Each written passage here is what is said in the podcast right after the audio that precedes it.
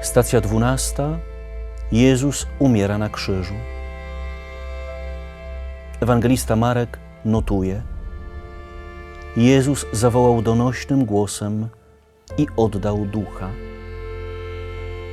Cisza, jaka wówczas zaległa ziemię, jest pełnią słowa Boga Ojca.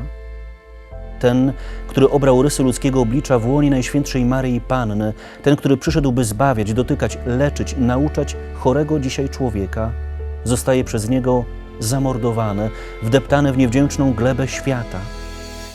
Za każdym razem, kiedy podejmuje drogę na skróty, wtedy za każdym razem staje wobec tych, którzy wołają ukrzyżuj, ukrzyżuj. I nie jestem ani lepszy, ani gorszy od nich, jestem taki sam. Słowo, które stało się ciałem, które przybrało ludzkie oblicze w łonie Najświętszej Maryi Panny, które dla nas chodziło po tej ziemi, jest słowem, które trwa nawet wtedy, kiedy dotyka go Golgota.